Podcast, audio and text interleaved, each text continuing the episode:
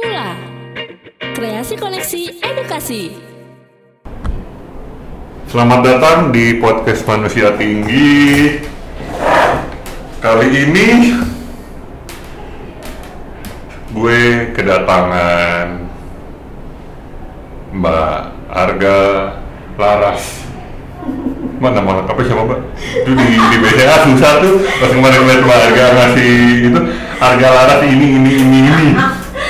Lo kalau nggak ada urusan ijab kabul sama gue nggak usah ngapalin nama gue Ya gue sama Mbak Arga yang mau disebut sama Mbak ibunya anak-anak stand up. aduh kayak tua ya Tapi memang, tapi memang Mbak Arga ini adalah orang di balik suci. di balik di balik layar Mbak Arga yang megang kan? Iya, dari satu kan dari satu. sampai sampai tujuh tujuh yang menghasilkan banyak komika-komika bertalenta. rahim gue udah kebal kayaknya ya, ngelahirin beberapa orang ya Tuh, dari yang yang juara tujuh, tujuh yang nggak juara sukses dua Nah. Mbak Arga, yes toh gimana Mbak? Apa kabar. COVID? apa kabar covid ya covid gini-gini aja lah ya Agak harus lebih berhati-hati eh karena kantor gue juga jauh ya jadi untungnya kita bisa WFH terus ya beraktivitas semua di rumah dan mulai dibatasin aja sih gitu. Kantor yang sempet kantornya di Mampang, rumahnya di BSD, sempat pulang 8 jam. dia tuh nightmare parah tapi sih ah, panjang gue kayak nggak bisa pulang nangis di jalan aduh itu itu itu cerita itu kapan sih Mbak? Januari pas pas hujan tahun baru. Itu enggak, itu Mei, Mei 2019. Hah, masa sih? Ya, Mei 2019. Bukan tahun ini? Enggak, 2019 itu satu, satu tahun yang lalu toh. Oh, udah lama. Udah lama ya? Kayak, kayak baru gitu. Kayak baru ya?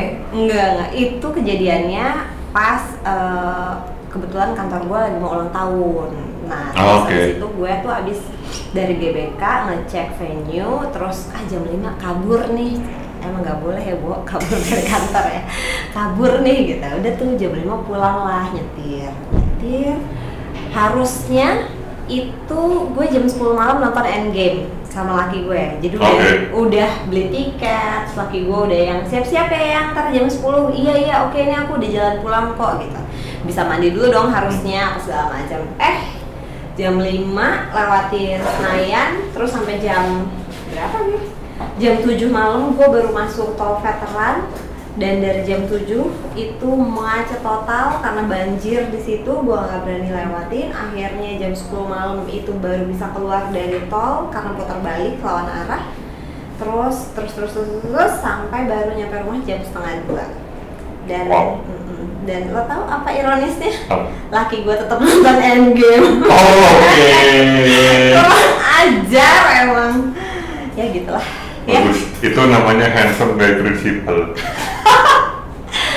Aduh, abis itu gue Oh. berpikir ya, apakah dia benar mencintai saya oh tidak Kayaknya bener sih Mbak, bener. Bener ya? Udah punya anak. nah Tapi ya mungkin berkurang aja. Oke, Mbak Arga, Nah. seorang. Eh, orang TV yang pindah, yang udah pindah dari dunia TV. Mbak Arga itu awalnya di? Eh. Di RCTI RCTI. Mm-mm. Awalnya di RCTI tahun? 2008 2008 udah lama ya? 2008 12 tahun yang lalu. yes.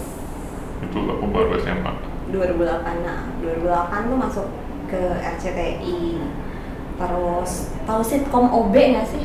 Office Boy. Tahu, that's my favorite. iya sitkom kan. Jadi gua waktu baru masuk ke TV itu dicemplungin langsung ke situ. Terus eh, ya namanya juga masih jadi cungpret ya waktu itu. Terus akhirnya eh, awal-awal cuma ngeliatin doang cuma bantu-bantuin. Terus akhirnya sempat dikasih eh, kesempatan untuk bikin VT-VT dari OB, bikin skripnya. Jadi gue nulis skrip, seru banget deh gitu. Terus bisa kenal sama dulu kan kita cuma nonton ya di TV gitu ya terus Hmm. nggak tahu beneran ketemu Pataka yang marah-marah mulu gitu ketemu Gusti Hmm. ketemu Sasha gitu dan uh, bikin bikin apa bikin cerita tentang mereka gitu itu seru banget sih toh Iya, lu tadinya mengidolakan terus akhirnya lo yang bikin uh, semua Skripnya, itu, hmm. itu bikin skrip itu. Jadi benar-benar pengalaman yang menurut gue sih di RCTI itu uh, apa ya? nggak nggak bisa dilupain deh gitu. Gitu. Terus habis itu Berapa tahun berarti di RCTI? uh, sampai 2010 ya. Dua tahun. setengah lah. Dua tahun setengah. kan. Oke. 2018 gue awal. Lalu ke pada SCTV. Kompas. Oh, langsung kompas. Langsung kompas gue. Jadi habis dari RCTI dua tahun setengah terus gue pindah ke kompas. Dan langsung lah melahirkan, Melahirkan. cuci. Ini ya, yang seru ya. Sebuah program yang pertama kali nonton tuh. Oke. Oke, Kompas juga my attention. awal awal itu masih yang masih masih masih yang slow pace kan masih Akbar masih Mas Akbar masih Rian masih Ernest Masih. Jadi dulu itu Kompas tuh pas gue pindah 2010 itu belum jadi TV toh. Jadi FYI, gue tuh masih kerja di bedeng-bedeng, belum ada gedungnya, orang masih sedikit gitu kan. Terus eh, karena kita berada di bawah payungan Kompas kan nggak boleh macem-macem tuh kalau bikin program nggak Hmm. boleh yang waktu itu soalnya zamannya slapstick ingat banget sih sih Oh, iya, iya. slapstick slapstick ya yang styrofoam dijatuhin kursi dibanting apa gitu gitulah yang ada titik merah jangan ditiru Nah, iya gitu ya. Nah, terus eh kita kan eh, basicnya entertain gitu. Sedangkan masuk ke Kompas itu dia kebagi dua nih. Ada yang entertainment, ada yang dokumenter gitu. Jadi Oke. waktu itu gimana caranya bikin program entertainment tapi nggak ngebodohin masyarakat. Pusing nggak lah? iya pada waktu itu iya Pusing langsung apa ya gitu kalau komedi sekarang yang hype komedi nih tapi komedi gitu gitu nggak mungkin kita bawa ke kompas nah waktu itu aku sama Mas Tesar Syamsuddin tahu Mhm. dong bapaknya stand up Ya.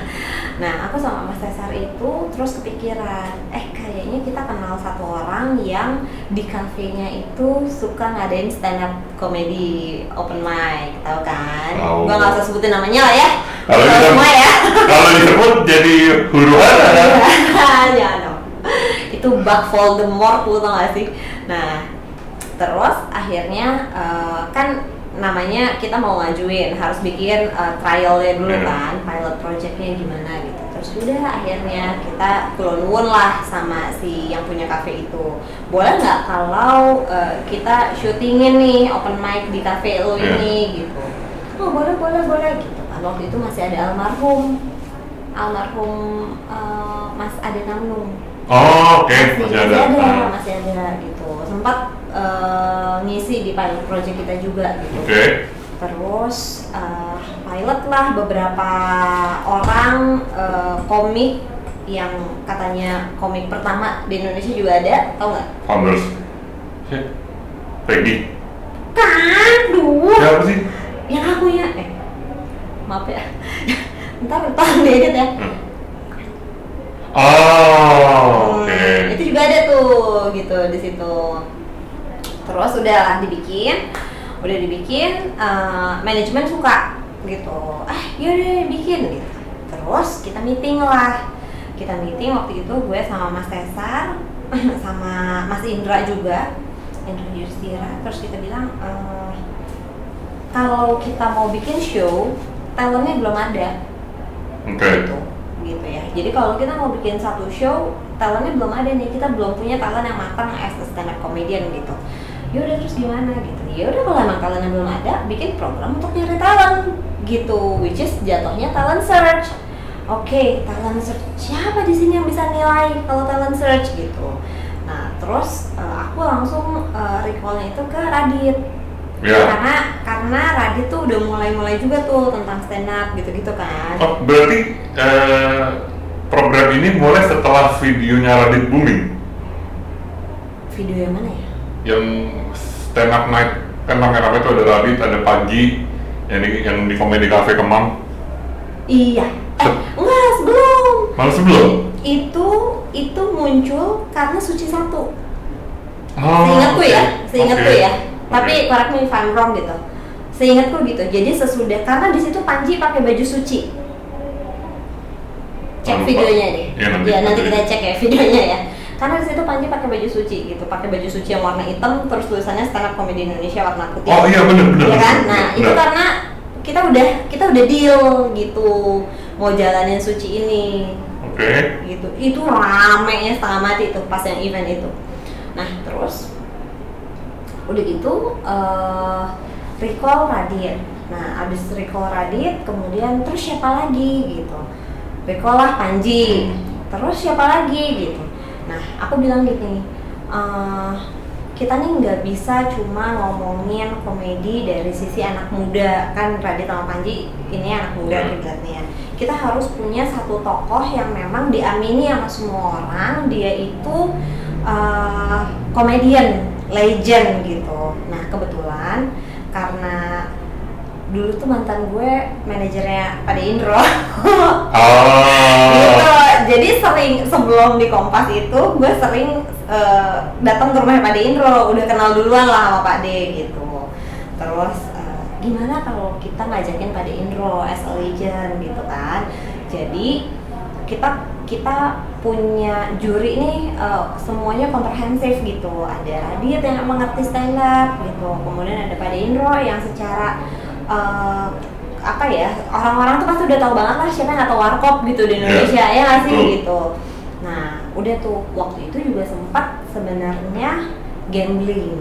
Karena Pak De Indro itu masih mm, punya kontrak sama Soraya waktu itu gitu oh untuk warkopnya buat Bener. warkopnya Iya. gitu nah terus eh, akhirnya kan Pak De tuh orangnya sangat lurus gitu ya. Pak Iya. Dendro tuh sangat-sangat ngikutin aturan gitu. Nah akhirnya Pak De kayak ngomong sama tim Soraya bahwa ini bukan film ini bukan ngomongin warkop tapi ini uh, talent search mau ngejuriin bla bla bla segala macam. Sampai akhirnya boleh. Tapi cuma itu doang tuh yang boleh gitu. Cuma suci doang. Udahlah akhirnya. Dibuatlah itu audisi suci satu kan di berapa kota. Ya aku lupa deh Di- ya jelas Jakarta Bandung Surabaya. Jakarta Bandung Surabaya ini kayaknya cuma tiga deh waktu itu seingatku ya aku. Oh nggak ada Jogja. Oh ada oh ya ada Jogja. Ada Jogja gitu ada Jogja benar. Nah terus dibikinlah itu tiga eh empat kota itu. Eh, Jakarta tuh terakhir selalu begitu deh Iya. coba cek. Jakarta tuh pasti selalu, Selalu, terakhir selalu. Nah, karena apa? Untuk menutupin kuota sebenarnya. Kalau di kota lain nggak dapat di Jakarta pasti dihajar. Nah udah gitu aduh ini tuh ya gue kalau ingat-ingat audisi suci satu ya kayak gue miris beneran deh miris miris mirisnya kita di Bandung tuh audisi di Dagoti House oke di Dagoti House. Waktu itu pokoknya sistem kita masih jemput bola. Yang kita pikir bisa bercerita lucu itu adalah anak-anak teater. Anak Ya. teater, anak kabaret gitu. Hmm. Jadi sistemnya kita jemput bola tuh, kita ajuin undangan ke eh, sekolah-sekolah seni, ke teater-teater di Bandung, apa segala macam.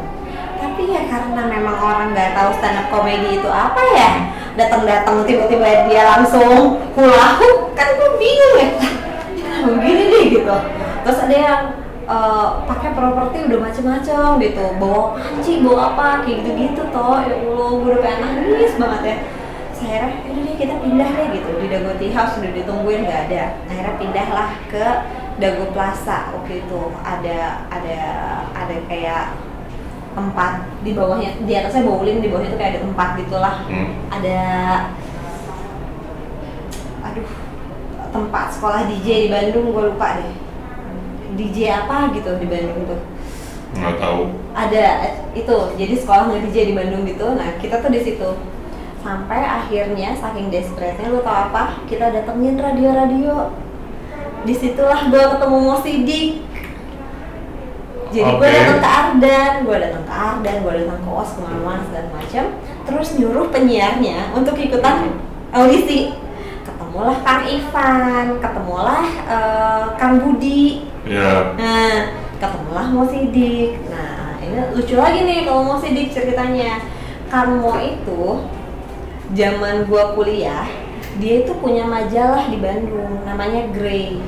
Grey Magazine. Itu majalah putih abunya Bandung buat anak-anak eh, SMA di Bandung gitu. oke Kalau lu mau cari cewek-cewek SMA yang cantik-cantik, lu lihat majalah itu semuanya. itu cuma-cumanya mau sidik semuanya.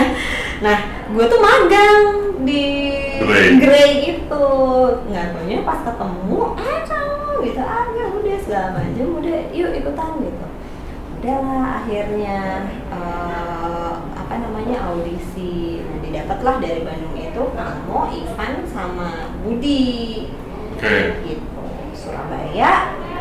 Surabaya tuh kita di Nines Cafe gue masih ingat banget. Gue di di Nines Cafe ketemunya Akbar. Dan Mas Akbar itu dia dia datang. Aku lupa deh apa dia datang paling pertama apa paling terakhir gitu. Pokoknya udah injury time gitu terus dia kayak baru datang. Terus seger banget sumpah Mas Akbar tuh segernya seger parah gitu. Seger parah terus eh, kita ngeliatnya kayak wah lucu banget lucu banget gitu. Udah langsung udah nggak pakai pikir-pikir lagi golden ticket tuh Iya. dari Pak Indro terus Surabaya itu oh Padaslan. Oh pada selan Sersan. Daslan, Sersan, Daslan, aduh kangen banget. Sersan Daslan itu. Terus Wisben. Mas Wisben. Mas Wisben, Eh, Mas Wisben dari Jogja ya kalau nggak salah. Eh. Ayo Mas Wisben Jogja. Pak Wisben, aduh. Lucu banget. Timbul pertanyaan. Krok, krok, krok Anu Pak Wisben, Pak Wisben Tapi lucu banget sih, sumpah. Dia waktu itu nyu- sulap gitu. Sulap tapi lucu gitu. Dia Pak Wisben, terus ada Siapa lagi ya, Suci Satu tuh. Rian. Rian Rian Jakarta, Ernest Jakarta. Rian, Ernest Jakarta Terus Rian tuh dari awal Awal audisi Seingetku ya Seingetku dia tuh bawain materinya kopi luwak belum pernah denger Ada Seingatku dia bawain eh, materinya kopi luwak Yang kenapa kopi luwak mahal banget Padahal itu dari Iya, kotoran. Kotorannya luwak gitu Itu terus Lucu banget lah Ini satu lagi siapa? Oh Pak Gahrem Ingat nggak? Enggak, Suci satu tuh cuman ingetnya Oh, Kang Mo, Rian, Mas Akbar, Ernest Ernest, terus Mas Danet, Oh dan Danet Jakarta Mas Danet, Budi sama Sersan Daslan. Udah sisanya nggak tahu. Pak Wisben memang ya Pak Wisben tuh baru tahu setelah Panji ngomong yang di Bineka Tunggal Tawa. Oh Eh, Panji bilang Wisben, cari deh Wisben. Tahunya Suci satu. Suci satu tuh lucu parah Dan yang lucunya tau nggak apa? Jadi kan kita karantina ya Suci satu itu kan kita karantina di rumah Permata Hijau tuh Kita udah kayak keluarga banget lah di, di situ Si Pak Wisben itu ceritanya ngecat rambut di show keberapa gitu ya Dia tuh ngecat rambut nggak taunya alergi jadi rambut Serius. Serius. Ya ampun. Itu yang namanya muka dia, toh mukanya tuh udah merah, udah bengkak, merah. Wah udah ngeri banget deh. Kayak Lu kayak orang diserang tawon lah. Aduh. Itu pas dia lagi mau mau show lagi. Panik setengah mati. Bawa si Pak Wisben itu ke rumah sakit. Terus eh, apa namanya? Ya untungnya masih bisa diobatin sih gitu ya karena alergi gitu. Diobatin. Terus kita bilang, udah Pak Wisben udah deh jangan macem-macem deh. Ubanan ubanan deh.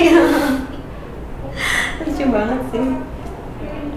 Terus Suci satu tuh eh, gimana respon masyarakat? Suci satu itu Penonton masih bayaran semua dong. kita kita nggak bisa dinaik itu, kita nggak bisa dinaik itu. Penonton masih bayaran waktu itu kan di Usmar Ismail ya Iya, Nah. itu tempat paling enak mbak asli. Itu suci Iya. paling enak tuh Iya. Usmar Ismail. Gue juga ngerasain gitu sih, kayak feel-nya tuh dapet banget gitu ya. Terus setiap suara, ketawa apa kayaknya nyampe gitu ke Betul. ke telinga kita terus langsung kena gitu. Suci satu itu eh, penonton masih bayaran, tapi nggak semua bo. Ya dua row lah gitu. Sempat waktu itu kalau ada yang ingat gitu ya di Suci kan harusnya kita tuh mulai eh, show jam 7 kan Iya, jam tujuh. Nah, kita harus mulai show jam 7 sampai jam 8 itu kita belum show toh. Kenapa? Kosong. Bukan penonton bayarannya masih ditahan sama Trans TV. Aduh, gua nggak Ya bisa ampun. itu. Mana penonton? Mana penonton? Udah kita telepon kan di kontrol room. Mbak nggak bisa mbak, masih ditahan mereka di Trans TV. Trans TV nambah satu episode mati. Gua gua bilang itu jadi dari jam 7 baru bisa kita mulai eh, take itu jam 8 begitu datang naik metro mini dong Iya. gitu ya ya ini wah tuh udah cepetan ganti baju cepetan ganti baju gitu. Udah ganti baju langsung dimasukin baru kita mulai.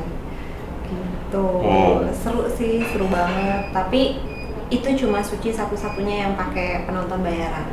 Setelahnya karena habis enggak? itu nggak pernah ada penonton bayaran. Kita selalu ya alhamdulillah banget Full ya, pack. full pack kita tahu kan yang di Balai Kartini berapa ratus Iya. eh berapa ribu orang yang masuk ke situ setiap malamnya itu kan penuh banget gitu itu semua nggak ada yang bayaran Wow. aku sampai merinding karena gini toh gue tuh waktu di TV sebelumnya kan ada pegang program-program musik Iya. gitu yang kayak konser-konser gitu itu penontonnya juga bayaran gitu Iya, Kayak tahu, I know. tapi ini Suci tuh nggak pernah nggak pernah kehilangan penonton gitu. Dua dan seterusnya tuh nggak pernah kehilangan.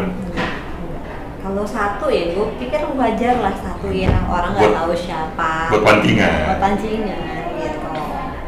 Gitu. Nah sedihnya lagi waktu Suci itu toh Suci satu muncul Kompas TV itu sempat off di Jakarta. Jadi Oh, iya. orang nggak tahu kalau kita tuh punya Suci gitu. Masuk- masuk tapi di- Jakarta ada Itu masuk berita Panji tuh. Nah, orang nggak tahu. Jadi itu kasihannya yang udah syuting-syuting tapi nggak tahu yang di Jakarta.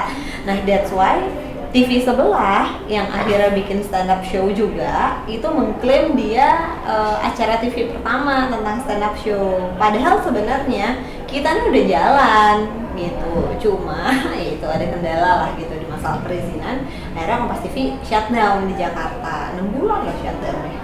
Bukan sebentar ya gitu Wow. 6 bulan. Gitu. Untungnya sebelum sebelum final itu udah mulai lagi. Sebelum final udah mulai lagi eh, tayang jadi pas final orang udah bisa lihat lagi gitu. Dan gitu. dan dan itu kenapa gua mau nonton Suci 2 eh. Itu inget banget tuh pas lagi Rian sama Akbar. Iya. Rian sama Akbar tuh terus di bawahnya tuh ada tulisan kalau mau nonton datang ke Usmar Ismail Nah. belum pakai email dulu. Belum pakai email datang datang aja. siapa? Irma ya? Enggak waktu itu Suci satu belum datang mbak. Oh. Suci satu belum pernah datang. Suci dua mulai. Baru ada pendaftaran. Enggak Suci dua tuh main datang. Oh ini apa namanya pokoknya? On the spot. Iya on the spot. Suci Suci dua tuh datang. Itu gue masih inget banget yang daftar udah kan masuk lewat yang pintu kanan belakang tuh. Mm-mm. kalau dari panggung sebelah kiri. Mm-mm. itu ketemu G.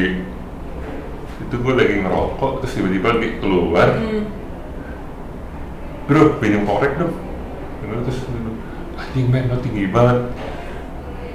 Mulai dari situ ke Kemal ke Randika Jamil ke Boris ke semuanya kenal. Akhirnya ke ibunya ketemu masuklah suci tiga ya. Masuklah suci tiga.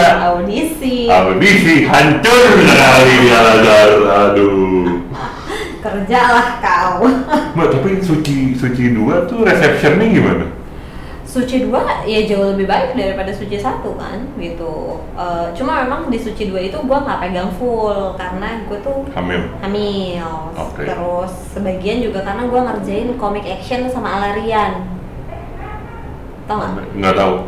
Oh, oh, oh, oh, sorry, Coming Action tahu, Alarian tahu. Nah, eh, jadi kita itu punya klausul eh, juara-juaranya Suci itu harus kita bikinin program. Ya. Sesuai dari Suci satu eh, Rian menang, kita bikinin program tuh ala Rian.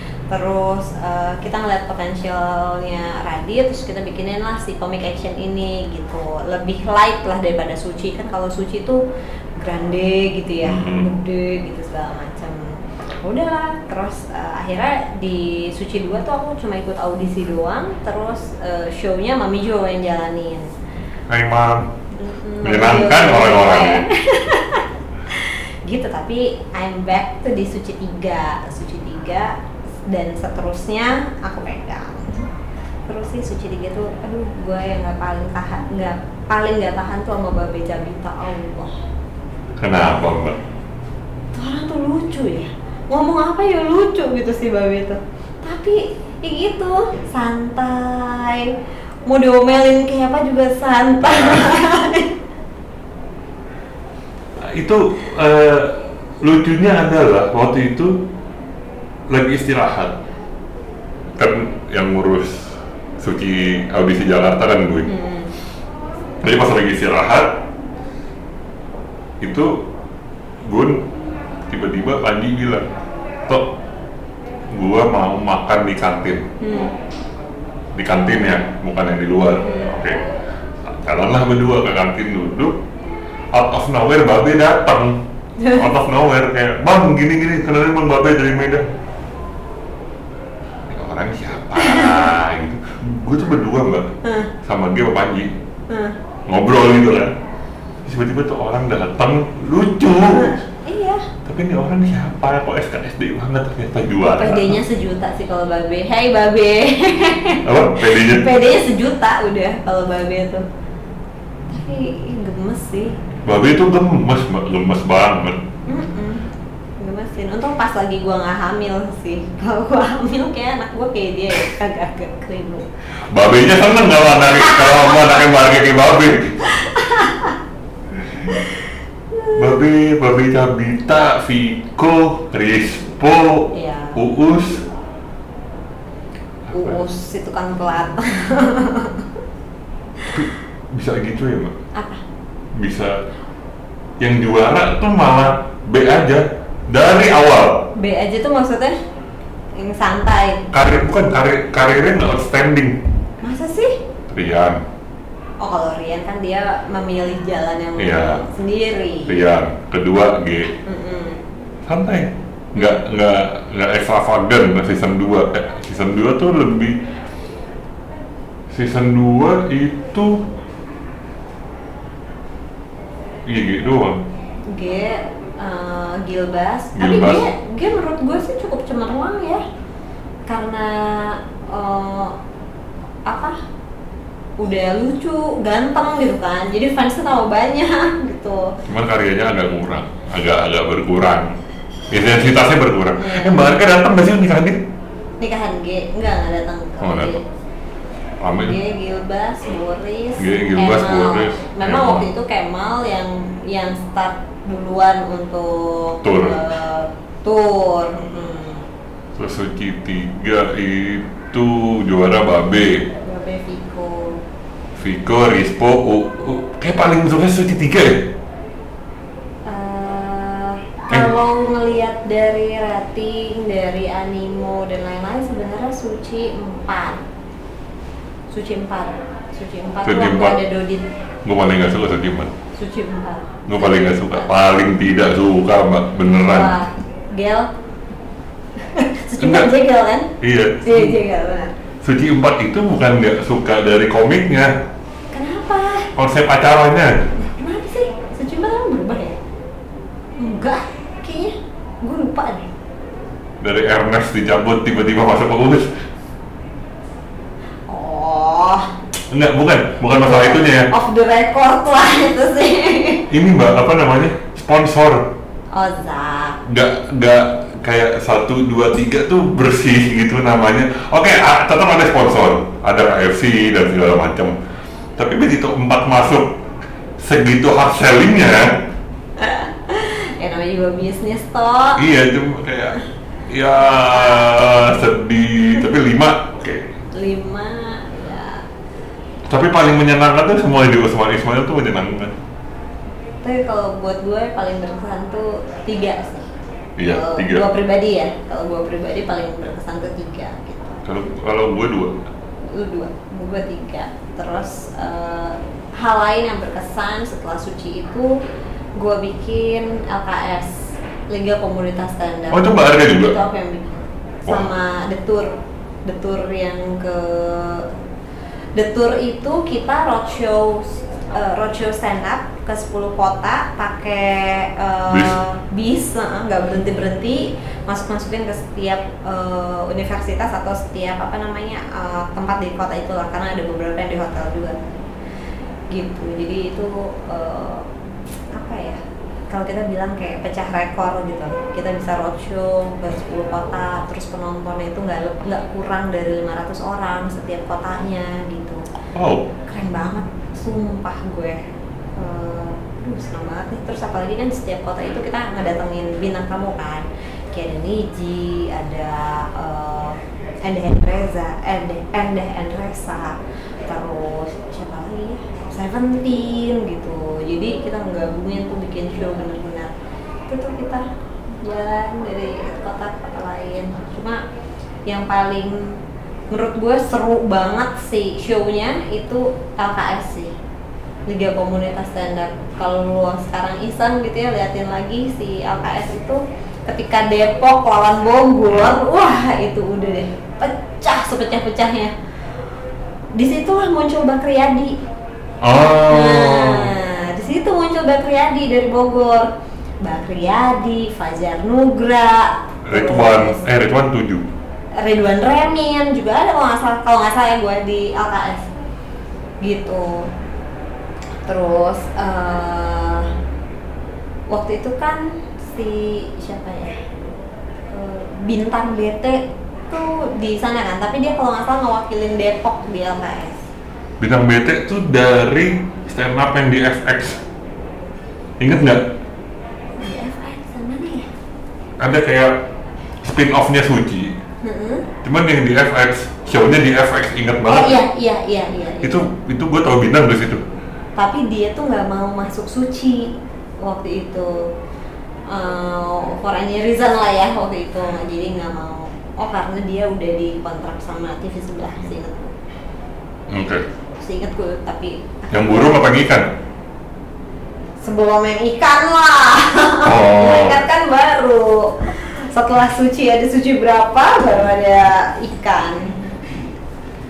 Oke. gitu tapi seru sih gue kemarin baru ngeliat lagi LKS dan yang paling seru tau gak sih waktu LKS itu apa Apa mbak? jadi waktu grand final ini Pak Ade pasti ketawa nih kalau dengar waktu grand final LKS eh, itu kita bikin dari babak semifinal ke grand final tuh digabungin gitu. Jadi ntar langsung langsung diadu dari berapa besar terus langsung eh, finalnya. Di malam itu juga. Orang tuh toh dari jam 7 malam udah di situ. Terus harusnya jurinya itu tiga. Salah satu juri nggak datang. Juri cewek pula yang nggak datang ya kan? Waduh gue bilang ini padahal harusnya udah jadi seru nih gitu jam 7 malam. Terus eh, kan kita nyebar undangan kan artis-artis yang lain. Jam 7 malam Pak De Indro datang. Gue salim Pak De Pak De Pak De Pak De. Kenapa? Kenapa? kata dia. Pak De aku boleh minta tolong nggak? Kenapa? Harga kenapa? Dia bilang gitu kan. Terus gue gitu, "Aduh, ini mohon maaf ya Pak De. Mohon maaf banget gue bilang gitu. Tapi mudah-mudahan Pak De bisa nolongin aku. Kenapa? Pak De mau nggak jadi juri sekarang? Hah? Kok jadi juri? Kenapa? Iya si ini nggak datang gitu. Juri yang ini nggak datang. "Hah, emang dia ke mana nggak tahu Pak De diteleponin katanya masih ada di TV sebelah syuting jadi dia Ah. terima dua job di Ya. sana terima di sana terima kan kesel ya Iya. gitu. Padi mau nggak terima? Akhirnya dong, alhamdulillahnya tuh Padi mau terima. Akhirnya jadi Padi jadi pengganti. Itu kita syuting dari jam 7 malam sampai jam 3 pagi. Ya ampun bang, Arya Pak dong. Pagi. Gue bilang, aduh gila gue rasa banget nih sama Padi emang gitu. Sampai jam 3 pagi finalnya, tapi seru parah. Seru seru parah gitu. Dunia TV tuh memang serandom itu ya? Iya. penonton nggak ada yang tahu dipikirnya ya majurnya Pak D itu Enggak. last minute loh gua teleponin manajernya gua teleponin artisnya sampai artisnya minta maaf minta maaf Itu bukan last minute, Mbak, last second. eh kan main Ya kan ampun. aduh ampun deh. Untung Pak D datang beneran datang untung Pak D datang kalau enggak ya udah garing aja gitu kan jurinya. Kurang. Gitu. Tapi gue happy sih maksud gue anak-anak suci alhamdulillahnya eh, berkembang banget gitu ya. Ya kayak Ernest gitu. Dia sekarang udah bisa jadi director apa segala macam banyak banget karyanya nulis terus yang lain-lainnya juga berkembang banget lah gitu Eh, enggak apa ya kalau gue ngerasanya kayak yang kemarin kita bikin tuh bukan cuma talent search ala-ala gitu yang lu udah selesai dan udah bye gitu tapi tapi masih hmm, ada hasilnya dan ngebuka mereka untuk jalan yang lebih baik gitu Tapi memang tidak abal-abal. Emang enggak. Emang maksudnya ya dengan apa? Dengan para konser tiap minggu, terus ada karantina, ada outing, Hmm, tiap minggu ada konser, Open itu mic. open mic, itu kan membuktikan bahwa Kompas tuh matang, walaupun untuk yang pertama, walaupun untuk starter ya, Uh-uh. Kompas tuh matang, kayak memikirkan semuanya tuh dari ujung kaki sampai ujung rambut itu lengkap. Jadi nggak nggak yang main-main yang nggak tiap hari ada tiap hari ada gitu kan Hmm. nggak. Maksudnya ya memang dua dua kompetisi dua kompetisi ini memang kelasnya beda. Eh bukan kelas. Eh, pasarnya beda Mm-mm. tapi kan maksudnya suci ya nggak dua-duanya gue nggak mau bilang ada perbedaan enggak ya cuman memang pasarnya beda dan suci itu adalah pasar yang paham. Kalau pokoknya konsepnya kita gini sih toh kita mau Oh iya, beda konsep maksudnya. Hmm, waktu kita mau bikin suci itu ya tadi berawal talentnya nggak ada berarti mesti kita cari apa? Cari Talent, talent ya iya. gitu. Cari talentnya kita grooming gitu. Nah hmm, kita eh, bisa dapetin pola kayak gitu pun kan kita banyak belajar gitu ya. Kita banyak nanya gitu diskusi sama Radit sama Panji gitu. Eh, nih nih anak-anak nih harus mulai dikasih dasar-dasar penulisan kemudian untuk bikin beat-beat kayak apa bikin punchline yang bagus kayak apa dan segala macam gitu. Which is nggak bisa cuma satu hari doang gitu. That's why benar. mereka tuh karantina tiga hari mereka karantina tiga hari terus show pulang ya kan? syutingnya tuh hari Rabu Rabu. apa? Rabu ya Nah, mereka datang tuh hari Senin gitu. Mereka selalu datang hari Senin. Hari Senin itu mereka harus udah bawa materi. Jadi misalnya hari ini show terus dibilangin besok temanya bubble tea gitu. Nah hari Senin itu mereka harus udah bawa gitu yang namanya eh, materi. Karena Seninnya itu udah mulai eh, mentoring sama kom eh, iya udah mulai mentoring mentoring mentoring. Terus hari keduanya itu ada kombut sama ada open mic. Nah di open mic itu itu kita sadis banget kok kalau lu tahu. Tanya anak-anak suci ya. tahu. Mereka kombut tuh kan kita waktu itu di gerainya si ayam goreng ya kalau kombut. Eh kalau lagi open mic gitu. Eh, yang di Hang Lekir itu suci tujuh. Emang iya hang lekir. Eh hang lekir. Yang kopi. Oh itu suci. Alison. Sucinya Alison sama Viko tiga berarti. Tiga, tiga. Ah, itu suci tiga. Jadi kita kita memang pindah-pindah setiap season. Ada yang di KFC ada yang di Coffee Toffee ada yang terakhir itu suci tujuh tuh di Kemanggisan ya? Ya versi Dot Binus iya situ. Yang jauh yang jauh banget.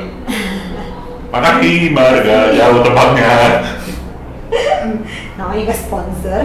Nah terus eh, di situ tuh kita agak sadis. Agak sadisnya adalah ngelihat timing berapa berapa waktunya. Terus udah gitu ngelihat setiap eh, punchline itu di, di dilihat berapa menit sampai dia dapat punchline-nya masing-masing. Terus lucu apa enggak? Setiap materinya gimana?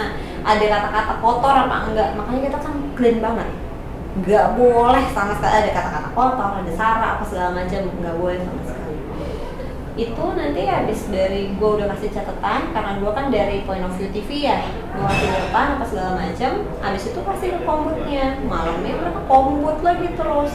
Besok paginya sebelum show datang lagi ke gue datang lagi ke gue untuk gue cekin setiap beatnya. Udah oke apa belum gitu. Nah kalau dia udah oke baru dia bisa naik ke atas panggung gitu untuk latihan jadi emang benar-benar uh, kita make sure mm, nggak ada materi kotor nggak ada uh, beatnya juga harusnya bagus gitu tinggal nanti di atas panggungnya gimana dulu komik yang paling grogian sepanjang sejarahnya Suci itu adalah Asep Suwaji.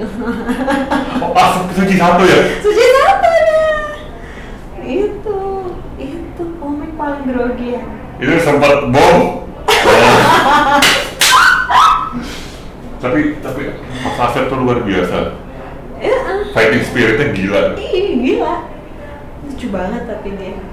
Padahal kalau dari sisi profiling ya, kalau kita dari orang TV ngelihat gitu, wah ini orang IT nih yang biasanya back end Hmm. gitu.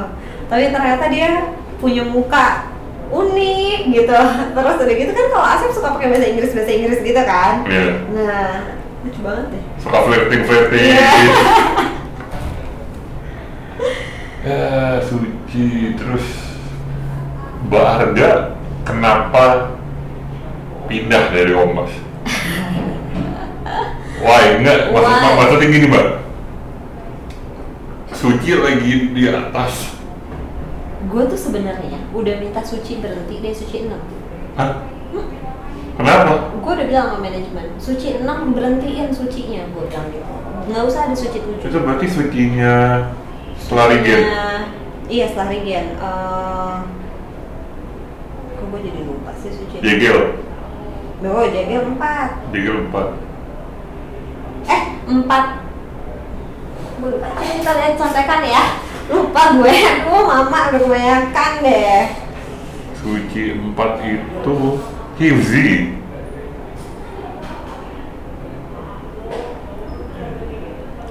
Zawin nah iya iya. nah suci Eh, jegel Suci 4 tuh. Suci 4 tuh Jegel Duh, maaf ya pemirsa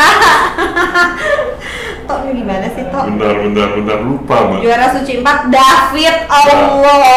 David Nurbianto David Nurbianto. Si Abang Betawi. Nah, nah, ini daftar pemenang nih Nah, Berarti berhenti pas di Jegel gue udah bilang kenapa? Karena suci 6 itu peaknya suci.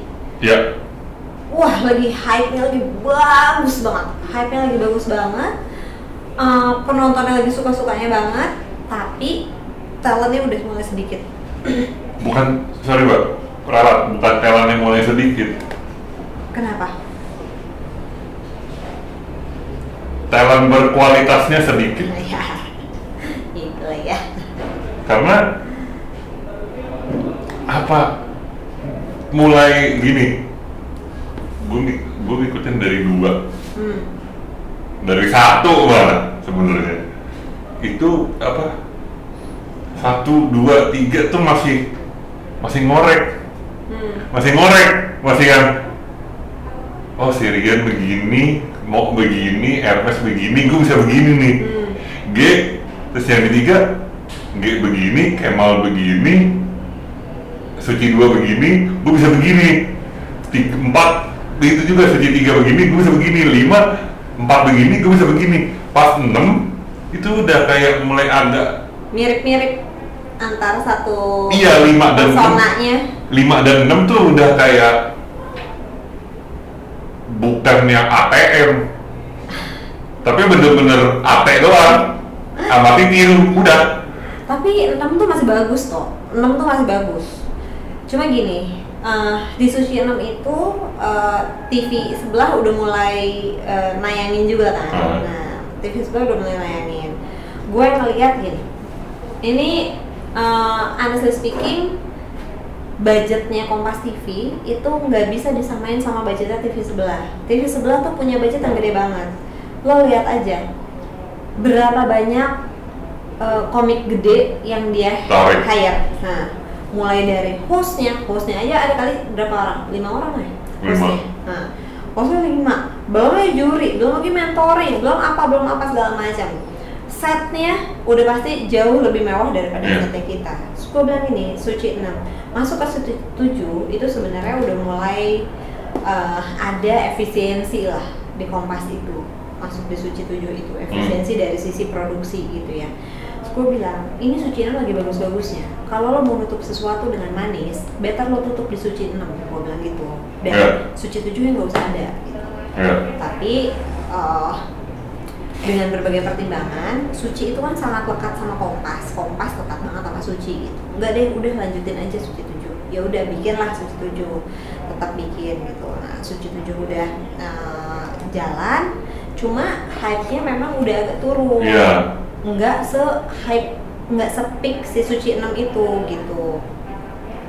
Sampai eh, Suci 7 eh, belum kelar sucinya aku udah cabut Kemarin dapat 2017 berarti. aku 2017 gitu. Jadi belum kelar sucinya aku udah cabut. Uh, sambil ngerjain suci itu aku tuh ngerjain juga dua film. Yang pertama itu Get Up Stand Up. Oke. itu gue ngerjain loh. Get Up Stand Up itu gue nulis juga. Jadi nu- nulis ide cerita kemudian dilempar ke penulis naskahnya ke Bagus Bramanti terus gue produserin juga di Get Up Stand Up itu syuting apa segala macam dari mulai nggak tahu gimana caranya bikin film sampai akhirnya ya udah bikin film masukin ke 21 masukin ke CGV dan lain-lain gitu ya ya udahlah rilis tayang sampai dibeli sama TV lain dan lain-lain terus lanjut setelah Get Up Stand Up gue ngerjain film berikutnya Naura dan Geng Juara Oh, oh itu mbak harga. Heeh, Oh, Naura dan Geng oke. Juara gitu itu pun sama tuh gue yang eh, apa namanya bikin ide ceritanya bareng-bareng proposal segala macam presentasi ke Naura kemudian eh, dapetin sponsornya gitu dan lain-lain. Tapi belum sampai eh, syuting jadi selesai di pre-production. Sampai aku hire Yejin Panji waktu itu ngobrol sama Yejin dan lain-lain. Terus eh, abis itu aku cabut gitu Udah keluar dari TV. Sekarang pindah ke burung. ke burung Burung biru. Gimana mbak perbedaannya jauh? Jauh banget. masih ya Dikit. Menurut gue sih mirip-mirip aja ya Karena yang dikerjain itu-itu juga kan? yang di jadi gini basicnya kalau kerja di TV kan kreatif ya Hmm. gitu kreatif thinking lah gitu nah begitu masuk ke marketing bener tetap kreatif thinking yang bisa dijalanin tapi kreatif thinkingnya buat jualan gitu kalau su eh kalau di TV kan kreatif thinking untuk bikinin program yang seru gitu kan kalau ini buat jualan The 47 minute, wow. wow lama banget sih kita ngobrol Oke. Mbak, pertanyaan terakhir. Ada satu pertanyaan. lu katanya mau ngasih tau gue sesuatu Itu ntar aja off the record. yang itu off the record. Nanti gue datang jauh-jauh cuma buat itu doang toh ada yang kecewa dengan Arga sudah menikah dan punya anak. itu nanti aja deh. Itu nanti aja off the record. Tapi tadi namanya udah kita sebut, udah kami sebutkan bu. Dari, wow banyak dari- sekali ya disebutin jajan Sarsan Daslan Oh bukan. oh bukan Bukan. Yang itu tuh kalau pokoknya disebutkan lah tadi. nyebelin banget ya doang Gimana rasanya? Enggak sih, baru tadi udah kejawab. Gimana rasanya meninggalkan Suci pas lagi di atas? hmm, Tujuh tuh juga masih di atas loh. iya Se- ya sebelum akhirnya delapannya begitu. gimana rasanya Eh, How how how to live your high high top position? kayak eh, dipaksa putus sama pacar yang lagi sayang sayangnya gitu lah ya gitu. Yang akhirnya bikin kadang eh, suka kangen gitu. Aduh kangen ya gitu. Nah, apalagi kan Hmm, gue tuh datang loh ke Audisi. ke bukan ke finalnya Suci 8 Suci delapan. Popon. eh bukan final Suci Ridwan apa Popon? 7 Ridwan Ridwan. yang di balai Sarbini. Sarbini. gue tuh datang tuh ke situ itu gue udah posisi gue udah udah cabut dari kongres gitu terus nangis gue meneteskan air mata gitu Itu berasa meninggalkan anak gak sih? Suci teli- Suci secara teknis adalah anaknya Mbak Arga tuh. part of my heart sih Iya kan? karena ya lu kebayang ya toh tujuh tahun gitu gue berkecimpung di situ Uh, timnya juga kan itu itu aja gitu nggak banyak beda gitu Mbak Oci, halo Mbak Oci. terus anak-anak ya anak-anak suci juga nice nice lah gitu. Nggak yang gimana gimana yang sampai sekarang pun kalau misalnya ketemu tuh kayak waktu kemarin di kawinannya Hibzi gitu kita ketemu tuh kita masih saling kayak keluarga gitu ya. Masih saling inilah gitu. Jadi ya eh, gue ngerasa beruntung lah. Ngerasa beruntung bisa jadi bagian dari suci gitu. Gue ngerasa beruntung bisa kenal sama orang-orang lucu yang ada di Indonesia gitu. Orang ajaib. orang ajaib yang nggak nggak gampang bisa dilupain lah I think uh, suci is part of my apa ya it's my story life gitu ya jadi uh, ya sangat Oke. Mbak closing. Apa Closing tuh? di Closing. podcast ini closing itu dari tamu. Anything, terserah. Ya gimana lu nggak nge-brief duluan nih nggak bener Emang- nih emang nggak, Nih, emang kalau- nggak, emang nggak. Kalau di TV kreatifnya udah gue omelin, lu nggak nge-brief ya gitu Ini one man show kreatif, director ini semua. Mbak. Tentang apa nih closingnya? Anything, anything. Mau closing statement boleh, mau ngasih wejangan boleh, mau ngasih nomor ATM boleh, mau ngasih nomor handphone boleh. Kalau gue bilang eh, chase your dream, eh, nggak ada yang nggak mungkin. Eh, kalau kita bisa berkaca dari suci gitu ya, Hmm? siapa dulu Babe Cabita lah gitu ya. Babe dulu eh, anak rantau dari Medan. Terus tiba-tiba dia sekarang siapa yang gak kenal Babe gitu ujung-ujungnya gitu ya. Terus eh, siapa yang tahu David gitu. David dulu tukang ojek dari belahan bumi bagian Betawi sebelah mana gitu. Terus sekarang eh, David udah malang melintang, udah main film dan lain-lain gitu. Jadi nggak ada yang nggak mungkin untuk segala sesuatu yang kita uh, perjuangkan gitu jadi kalau misalnya lo punya mimpi perjuangin jangan takut gagal Uh, kalau sempat ada kurang berhasil atau apa ya namanya juga kehidupan tetap bangkit lagi ya di situ gitu deh toh Oke, sekian episodenya. Sampai ketemu di episode selanjutnya. Terima kasih Mbak Arga. bye bye